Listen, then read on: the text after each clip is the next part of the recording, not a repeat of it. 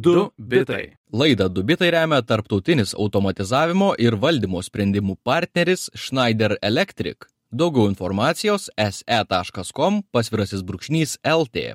Sveiki, žinių radio klausytojai. Jūs ir vėl girdite laidą uh, Dubitai, kuri originaliai prasidėjo kaip technologijų naujienų apžvalga kiekvieną savaitę, bet jau trečia savaitė išėlės yra apie tai, kaip gyvena Elonas Muskas. Na ir šį kartą į šio žmogaus gyvenimą vėl pažvelgsiu aš, Jonas Lekevičius. Ir aš, Lukas Keraitis. Ir kaip ir sako Jonas, vėl grįžtame prie šio te, šios temos, bet, bet, bet pagaliau, pagaliau ją užbaigsime. Tad nieko nelaukiant, svarbiausia šios savaitės naujiena. Pagaliau, pagaliau, Elonas Muskas, turtingiausias pasaulio žmogus, nusipirko Twitterį. Tai yra, na, jam Twitterio valdyba sutiko perduoti socialinį tinklą, viską ten reikia dar užpildyti, suformuoti ir užbaigti, bet visą tai įamžins įspūdinga 44 milijardų dolerių suma. Tikėkime, kad Elonui Maskui pirkinys bus laimingas, mes jam to ir linkim, nes šiaip tai galvojam, kad nusipirko visai nemažą galvos skausmą to pačiu. Mhm. Akcininkai visi Twitterio gaus po 54,2 jų dolerio už akciją ir įmonė taps privati, jei viskas vyks sklandžiai, tai bus vienas didžiausių perėmimo sandorių istorijoje, na ir tikrai vienas didžiausių technologijų įmonių istorijoje. E, tikimasi, kad viskas įsigalios per pusmetį, jeigu ne, dar tarp kitko, Elonas Maskas turėtų sumokėti 1 milijardo dolerių baudą. Tad mhm. štai istorijos pabaiga, tikėkime. Jo, ir vėlgi šitą istoriją jau ko netruko, tai dramos. Mhm. Buvo tiek daug visokių verpetų nuo to, kaip jis iš pradžių paskelbė, kai įsigijo 9,2 procento, tuomet labai iššoko akcijų kaina, nes visi pradėjo galvoti, valio, ateina Maskas išgelbėtojas, tada Maskas pasakė, jog jis nepasitikė esama valdyba ir vadovybė ir sugalvojo, na, tai nusipirksiu visą likusią Twitterį. Tada praeitą savaitę mes šnekėjome apie tai, kaip vadyba, valdyba atrodo galvojo visaip kaip išvengti nusipirkimo ir net įsteigė taip vadinamas nuodų piliulės, kurios turėtų padaryti e, tą įmonę kaip ir nenuperkama. Taip čia perkeltinė prasme be abejo, su, su kabutėmis. Žinoma, tai tikras nuodų piliulės dar. Finansinis instrumentas nuodų piliulė. Um, bet nežinom visiškai tiksliai, kas nutiko fone per tą savaitę, bet uh, panašu jog jiems atėjo suvokimas jog a čia viskas rimta ir ne tik kad rimta bet mes beveik net net net neturim gero atsako. Mes kind of privalome sutikti su tuo kas vyksta. Iš masko pusės jisai parinko labai teisingą laiką nes kitą savaitę bus twitter ketvirčio rezultatai kurie jeigu mes žiūrime tai ką paskelbė google um, ar šiaip ko galima tikėtis tikėtina nieko gero nebus. Ir turbūt supratę jog net neturi jokių gerų žinių, ką paskelbti, jiems reikia vienaip ar kitaip išeiti iš tos situacijos ir Maskas visgi gelbėjo juos, nes e, užfiksuoja jų akcijų kainą ties savo pasiūlymu ir nėra dėl ko nerimauti. Tuo tarpu iš Masko pusės jisai fantastiškai viską sužaidė, ta prasme, jog jisai beveik negalėjo pralaimėti.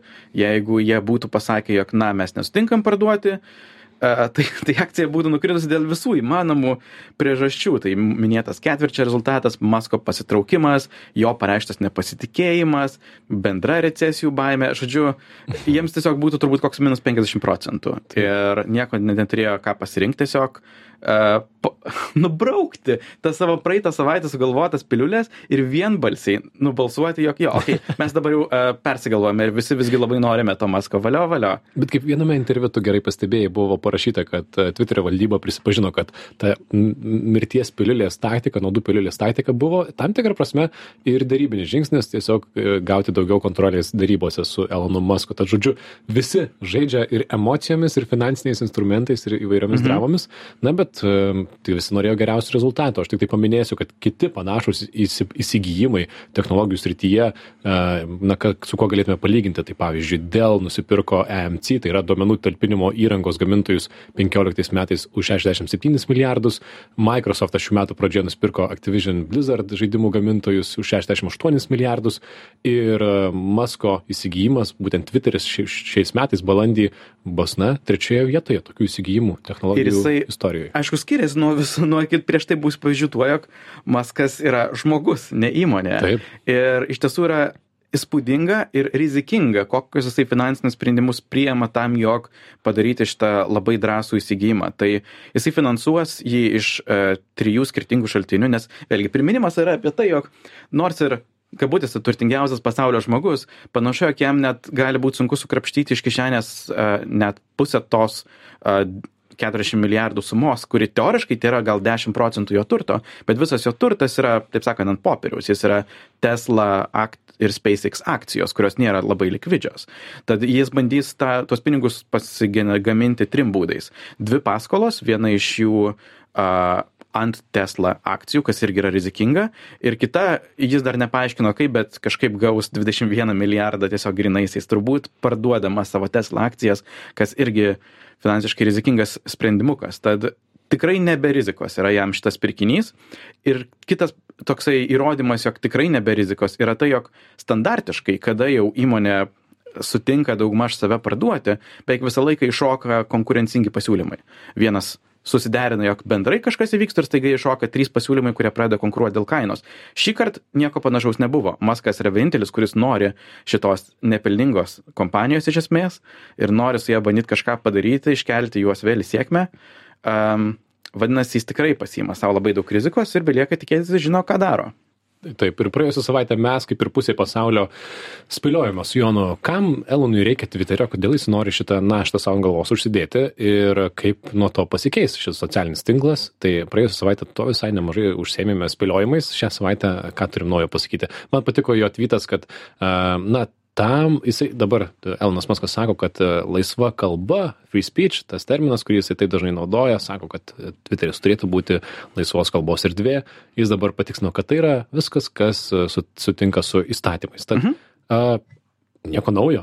Mm. A, tiesą sakant, ganėtinai naujo, nes a, čia aišku būtų toks bazinis assumptionas, jog bazinė prielaida, jog savaime suprantama žodžiu turėtų būt leistina viskas ko nedraudžia įstatymai bet ypač per paskutinius kelis metus tviterio taisyklių knyga taip sakant labai smarkiai išstorėjo.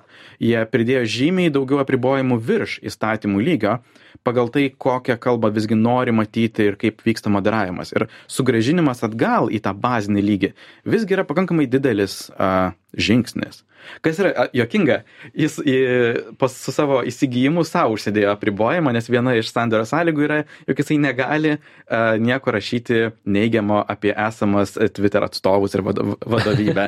Tad užsidėjo savo buvo, žodžio laisvę. Nors buvo visai aktyvus Twitterio kritikas iki jį nusipirkdamas. Gerai, tai tebūnė tavo tiesa, vis tiek visi tie jo pasiūlymai, ką jis sako, pakeis, uh, naujas funkcijas duos, duos pagaliau įrašo redagavimo mygtuką, turbūt. Uh, algoritmus, turbūt algoritmus padarys open source tai yra atviro kodo, žmonių identifikavimo pagerins, galbūt nugalės spamo robotus. Man tai atrodo, tai mhm. tokios smulkmenos, ar ne? Tai, tai yra vizija. Manau, kad ne. Ir aš norėčiau į du šitų dalykų įsigilinti truputuką. E, viena tai, vėlgi, su žodžio laisvė visiems kyla klausimas, o tai Trumpas sugrįž. Hmm. Ir E, visai įdomu stebėti, kaip iš esmės dešinės politikai uh, Nigel Farage, Ted Cruz, Tucker Carlson labai ploja katutėmis matydami jo šitus sprendimus, nes matyt, jie jaučiasi labiau užblokuojami um, negu kairės atstovai. Čia diskutuotinas klausimas. Um, ir kas yra visai įdomu, jo taip pat veiksmai ir komentarai Twitter'yje um, ant vienos Twitter darbuotojos teisinės atstovės, kuri iš esmės jos jos pasiūlymu ir buvo užblokuotas Trumpo akauntas. Um, ant jos dabar yra labai daug pasipiktinusių žinučių apie tai, mhm. jog visai kaip ją neigia ir, ir taip toliau. Tad akivaizdu, jog visgi dešinė ploja labiau negu kairė ir, ir tai kaip ir sudarytų sąlygas Trumpui grįžti. Tiesa, jisai pasakė, jog to nedarys, net jei galės. Nes, nes jisai turi savo tinklą. Taip jisai turi savo Truth Social socialinį tinklą, kuriuo niekas nesinaudoja iki šiol sėkmingai. Jo. Bet smagu turėti savo socialinį tinklą. Ir kitas dalykas, ką paminėjai, algoritmo paviešinimas bei kova su spamu ir žmonių identifikavimas. Čia tam tikrą prasme du tokie prieštaringi tarpusavėje faktai. Pirmadienį Twitter uh, GitHub'o, kas yra kodo dalinimosi platforma paskyra, pasidalino nauja kol kas tuščia repozitorija pavadinimu The Algorithm, algoritmas, kuri uh, na kaip ir implikuoja jog galbūt e, ateityje jie iš tiesų planuoja viešai dalintis tuo algoritmu kas būtų didžiulis žingsnis. E, to nedaro nei viena kita platforma todėl jog tai yra labai sudėtinga. Kova su spamu irgi e, sudėtingas dalykas, bet kadangi jie dabar bus privati platforma, jiems nebereikia turėti tokių magiškų metrikų išpūstų, nes vėlgi spamo vartotojai išpučia skaičius, kuriuos kartais e, nori rodyti lyg tai būtų tikri vartotojai dabar kai jie nėra atskaitingi ketvirtis nuo ketvirčio ir gali daryti drąsiau didelius finansinius pakeitimus aš manau jog tai yra turbūt viena aiškiausių konkrečiausių ir potencialiai sėkmingiausių krypčių Mhm. Šitas argumentas tikrai pripildo, papil- papildo tai, kodėl šita įmonė turėtų būti privati, nes tada tikrai reikia mažiau atsiskaitinėti už visokias smulkmenas ir gali susikoncentruoti ties realiais pokyčiais. Ir visgi, man visi šitie maži pakeitimai, mano nuomonė, kažkaip nedaro įspūdžio. Aš manau, kad tie pati dešinė, kuri dabar visą ploja katučių, kad e, štai bus daugiau laisvo žodžio ir mes buvom engiami iki šiol. Manau, kad jie greitai nusivils, kad tų pokyčių greitai nebus ir vis tiek tas la- laisva kalba nebus, nereiškia, kad gali sakyti bet ką. Um, nežinau, pažiūrėsim. Įdomu labai, kaip keisis Twitteris. Um, pats nesu didelis, didelis naudotojas, bet mhm. kol kas netrodo man, kad kažkas... Na, daug e, Elno Musko pasakymų yra gana abstraktus. Tai yra, jisai taip už laisvą kalbą, bet e, ką darys, nėra aišku. Darbuotojai Twitterio taip pat, manau, man pritartų, kad nėra aišku, kas bus. Ir, Jie ir yra labai galima- suskaldę. Viduje buvo Mhm. balsavimas 27 procentai myli Maską, 27 procentai nekenčia ir likę yra neutralūs. Tad e, labai, labai kontroversiškas naujas jų atstovas, kuris turės kažkokiu būdu naviguoti per nuomonių vandenyną. Mhm. Ir pažiūrėsim, kaip tai sekasi. Tu čia labai gražų užrašuose mūsų padarėjai šitą anegdotą e, nuo, iš Twitterio darbuotojų, Pasidalink.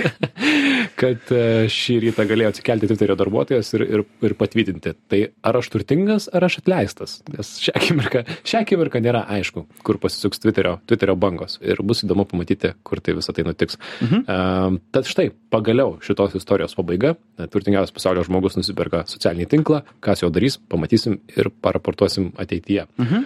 O žinių radio klausytojams priminsiu, kad jūs girdite laidą Du bitai. Joje su Jonu aptarėme svarbiausias savaitės technologijų naujienas. Antroji tema, kurią šiandien norim paliesti, tai yra nauji Europos, e, e, Europos įstatymai technologijų įmonėms. Ir mes metų pradžioje kalbėjome apie tai, kad Europos parlamentas nubalsavo už vadinamąjį skaitmeninių paslaugų aktą.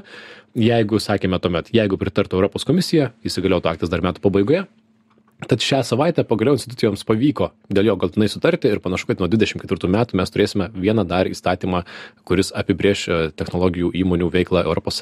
Tad jeigu turite daugiau nei 45 milijonus aktyvių naudotojų savo platformoje, tai yra jeigu esate Facebookas, YouTube'as, Google ar TikTokas, jūs turėsite aktyviau kovoti su nelegaliu turiniu. Ir Arba priešingu- Twitteris. E, Arba Sveikas Twitteris. atvykęs Elonai į naują socialinių tinklų valdymą ir naują galvos skausmą. Perspėjom su Jonu, kad bus ne tik smagu. Tai jeigu nesilaikysiu šio įstatymo, įvairios platformos galės gauti nemažą baudą iki 6, metų, iki 6 procentų metinių pajamų. E, Facebook atveju tai būtų 7 milijardai dolerių, tai visai nemažai. A, tai mes jau kalbėjome apie tai laidoje, ką pakeis šis įstatymas. Iš esmės draudžiama jau trys duomenimis paremta reklama, tai yra targetinti žmonės pagal religiją, lytį, rasę. Socialiniai tinklai iš esmės turės efektyviau šalinti nelegalų turinį, šalinti nelegalias prekes parduotuvių platformos ir panašiai. Na, vienas svarbus momentas, kas dabar sukėlė nemažą diskusiją ir kas pasirodė visai nauja, tai kad um, įtrauktas toksai punktas, kad krizės atveju, ką reiškia krizė, viskas Mhm. yra atvira, ar tai visuomenės saugumas, sveikatos apsauga, Europos komisija gali pareikalauti apriboti skubes grėsmės platformose. Aš čia su auksu klaustuku išsiverčiau. A, Kaip pavyzdį davė rusišką propagandą. Ir e, sako Europos, Europos komisijos atstovai, kad negalima pasitikėti vien platformų gerą valią. Ką iš esmės jie sako, kad kažkokios krizės, krizės atveju ir kas ta krizė, niekas mums negali pasakyti, um, Europos organai turėtų kaip ir galę ir teisę kažką nurodyti platformoms. Facebook'ui nes, nes ar kol kas, kol kas tokios iniciatyvos kildavo iš pačių įmonių Taip. vidaus. Vėlgi prasidėjo pandemija, tiek Facebookas savo naujienų srautą pradėjo modifikuotis, kaip vėliau skelbė informaciją net apie vakcinas. Ir, ir, bet tai visą laiką kildavo iš pačios įmonės sprendimų, ne iš išorės reikalavimų. Mhm. Ir įjungti išorės reikalavimus iš tiesų yra didžiulis ir gana kontroversiškas žingsnis. Ir vėlgi, manau, labai teisingai pastebėjo, jog ta krizė toks solidus žodis. Um, visai neseniai to priminimas buvo Kanados uh, vilkikų vairuotojų protestas, kuris na taip, ganėtinai smarkiai jis trikdė tiek miesto gyvenimą, tiek, tiek šiaip galima sakyti, jis buvo politiškai labai komplikuotas, bet ar tai buvo krizė, dėl kurios buvo galima iš tiesų išalyti žmonių e, sąskaitas ir, ir užblokuoti labai didelį kiekį interneto tenai? Vėlgi, krizė žodis, kuris skirtingose kontekstuose gali reikšti labai daug ką ir suteikti tokią didelę galę yra rizikinga, potencialiai pavojinga. Taip, technologijų kompanijas atstovaujantį agentūra sako, kad na, tai gali Europos komisijai suteikti labai daug ir neproporcingų galių ir kaip ir pats pats sakei kovido atveju matėme instagrame feisbuke ir kitur būdavo pavyzdžiui nurodoma e, nuoroda į pasaulio sveikatos organizacijos šaltinius ir tai darydavo pačios įmonės. Bet šitokios krizės atveju filosofuojama kad pavyzdžiui jeigu prasidėtų nauja kovido banga europos komisija galėtų įsakyti feisbukui kad štai atsidarius feisbuką pirmiausia parodykite oficialią mūsų arba mūsų netgi įrašą ar ne patį pirmą kad jie galėtų kažką nurodyti socialiniams tinklams ir platformoms tad šis šis e, šis punktas kelia visiems daugybę klausimų bet e, velnias slypi detalėse kurios dar bus e, rengiamos. Dar įdomus faktas kad europos sąjunga gali imti pusės procento metinių pajamų mokestį iš šitų platformų kuris bus skirtas būtent jas reguliuoti tas pačias platformas. Ir sekti kaip joms sekasi laikytis įsipareigojimų nes skaičiuojama kad tokiam naujam įstatymui reguliavimui įgyvendinti ir prižiūrėti gali tekti įdarbinti bent du šimtus trisdešim darbuotojų kas yra mažai iš tikrųjų jeigu Bet panašu, jog turbūt pasimokė iš e, Badaro, Būtent. jog e, net tenai jie neturėjo savo susikurto papildomą biudžeto ir todėl tų teisės įstatų vykdymas, tikrinimas, reguliavimas iš tiesų liko, na, valstybės lygyje, vieni taiko vi- aktyviau, kiti mažiau, ir, bet nėra jokio sistemingumo šito vietoj. O vėlgi panašu, jog jie taikosi į didžiausius žaidėjus ir žino, jog reikia rimtai pasiruošti šitai kovai. Tad sus, kartu su skaitmeniniu rinkų aktu šitie du nauji įstatymai yra tokie na, nemaži žingsniai Europoje, kalbant apie privatumą.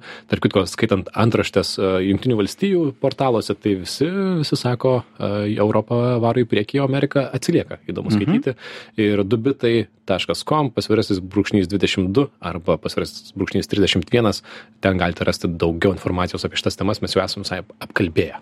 Kalbant apie tai, kaip Europa važiuoja į priekį, kitas e, dalykas buvo nubalsuotas šią savaitę, jie pagaliau priėmė tai vadinama bendros jungties direktyva arba Common Port Directive, kuri turėtų suvienyti visų elektronikos prietaisų krovimo jungtį, šiuo atveju ties USB-C jungtimi. Yeah. Tai mes irgi šitą esame šiek tiek anksčiau kalbėję, bet dabar žymiai konkretesnis aiškumas ir jie panašu suga, sugalvojo, kaip apeiti, ne, ne apeiti, bet uždrausti tam tikrus apėjimus, kuriuos galbūt norėtų e, tam tikri gamintojai apeiti.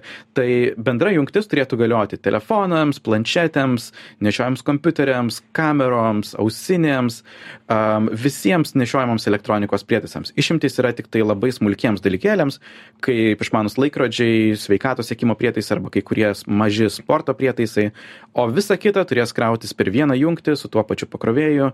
Uh, ir aišku, visų akys krenta ties Apple, kurie iš esmės yra vienintelė tokia didžiausia kompanija, kuri kol kas to nesilaiko ir visur naudoja savo Lightning jungtį. Um, ir vėlgi, jie padarė pakankamai daug tokių taisyklių, kaip Apple negali išsisukinėti. Negali, pavyzdžiui, tiesiog pridėti konvertavimo prie dėliuko ir sakyti, štai turim jungti. Uh, jungtis turi būti, jeigu yra, tai ant pačio prietaiso ir kroviklis vėlgi turi būti tam paruoštas. Tiesa, su krovikliais jie nereikalaus, jog jie būtų pridedami, tačiau pradės reikalauti indikuoti, ar dėžutėje su prietaisu yra tas jungiklis ar ne. Nes vėlgi čia buvo Apple kontroversija, kai jie nuo iPhone 12 išėmė pakrovėją ir vėliau jų pėdomis pasiekė Samsung, Google ir kiti. Aišku, čia kadangi argumentas yra ekologija, ES nenori per daug prieštrauti ir Ir taip ir bus. Nuo 2026 metų jie reikalaus bendro ir belaidžio krovimo standarto, tik čia jų darbas jau gana paprastas, nes šiaip ar taip visi naudoja bendrą krovimo standartą šį belaidžiam krovimui, galbūt ir jūsų telefonai tą palaiko. Tad e, Tarėsi šį? Šį, jo, Šį, šį. A, kvy rašosi. rašosi kvy, Supratau. teisingai. Na tai tas klausimas, labas, ar turi pakrovėją, o koks pas tave e, kažkada greitų metu. Labai tikiuosi baigsis, nes jau taip atsibodo visur nešiotis tos du. Atsimeni, prieš keliolika metų iš vis kiek tų pakrovėjų buvo. Ir Mhm. vėlgi, ES tuomet ir sulygino juos. Tai čia toksai jau um, istorija kartojasi. Ir liko laiko vienai istorijai, kuriai. e, Gal apie Jonai? žaidimus? Apie žaidimus. Nu gerai, kitą kartą vaskičiai žaisim, kuris. e, Bet gerai. Gerai. Labai gera, gera is- istorija, papasakok apie Sony. Uh, Sony eksperimentuos su reklamomis PlayStation žaidimuose.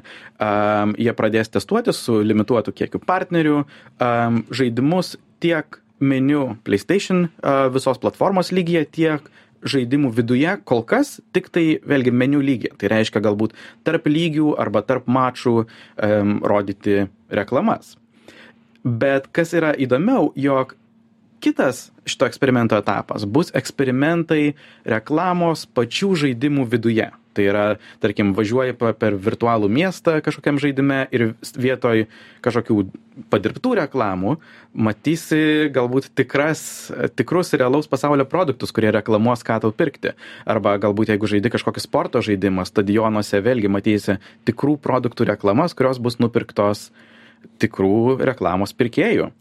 Ir man tai atrodo visai toksai įdomus žingsnis į tą meta visatą kaip jungiasi mūsų virtualūs ir realūs pasauliai ir darosi net ne visiškai aišku kas vyksta. Ir aišku visas šitas spaudimas vyksta todėl jog bendrai žaidimų rinka labai smarkiai pasikeitė standartas jau nebėra šešdešim dolerių kainuojantys žaidimai o nemokami žaidimai kuriuos žaidi ir aišku arba perki kažkokius dalykėlius viduje vidinėse parduotuvėse arba monetizuoji per reklamas Mhm. Ir šiaip tais yra buvę žaidimų, ar ne, kur gali matyti reklamas realių pasaulio produktų, bet PlayStation ką daro, jie turi iš tikrųjų na, programą, partnerių programą, tai nereikės rinkodaros skyrių, įsivaizduoju, kaip anksčiau kalbėti su kiekvienu, kiekvienu reklamuotoju, mhm. tartis, na, kas anksčiau būdavo ten tokių eksperimentavimų, kad realus produktas yra žaidime, bet ten tik tai, na, kokiam nors kamputyje pamatai ir tiek. Ir vėlgi tai... dažniausiai būdavo fiksuotas dalykas, mhm. o čia, žinai, vieną dieną žaidi uh, kokią nors sporto žaidimą ir matai vieną reklamą, o kitą galbūt matai tavo mieste vykstančio po savaitės renginio reklamą. Taip, taip. Toksai, uf, keistas keistas pasaulių persijungimas. Ir, ir, ir paskui matysim visi skirtingas reklamas, kaip ir internete. Mhm. Aš matau kažką, kas vyksta šalia manęs, tu matai visai kitą reklamą ir turim skirtingas patirtis. Tai mažas žingsnis arčiau meta, meta visatos. Ir dar kelias naujienos netilpo, bet nieko tokio, norim pakviesti visus į Facebook technologijų naujienos grupę. Ten aš tave, Jonai, challenge'inu apie tavo elektrinę korvetę, kuri tau labai patiko, naujiena šitą netilpo. Aš įdėsiu savo mėgstamiausią elektromobilį ir pažiūrėsim, kurį, kurį nubalsuo žmonės, kuris yra gražesnis. Okay. Tai mažas, ma, mažas challenge'as nuo manęs, o mes susitiksim kitą savaitę, kaip visuomet. Čia Lukas Keraitis ir Jonas Lekevičius. Du bitai žinių radio interneto svetainė žiniųradijas.lt. Ten klausykitės kaip ir visose klausimo platformose. Iki kitos savaitės. Iki. Du bitai. Laidą Du bitai remia tarptautinis automatizavimo ir valdymo sprendimų partneris Schneider Electric. Daugiau informacijos se.com pasvirasis brūkšnys LT.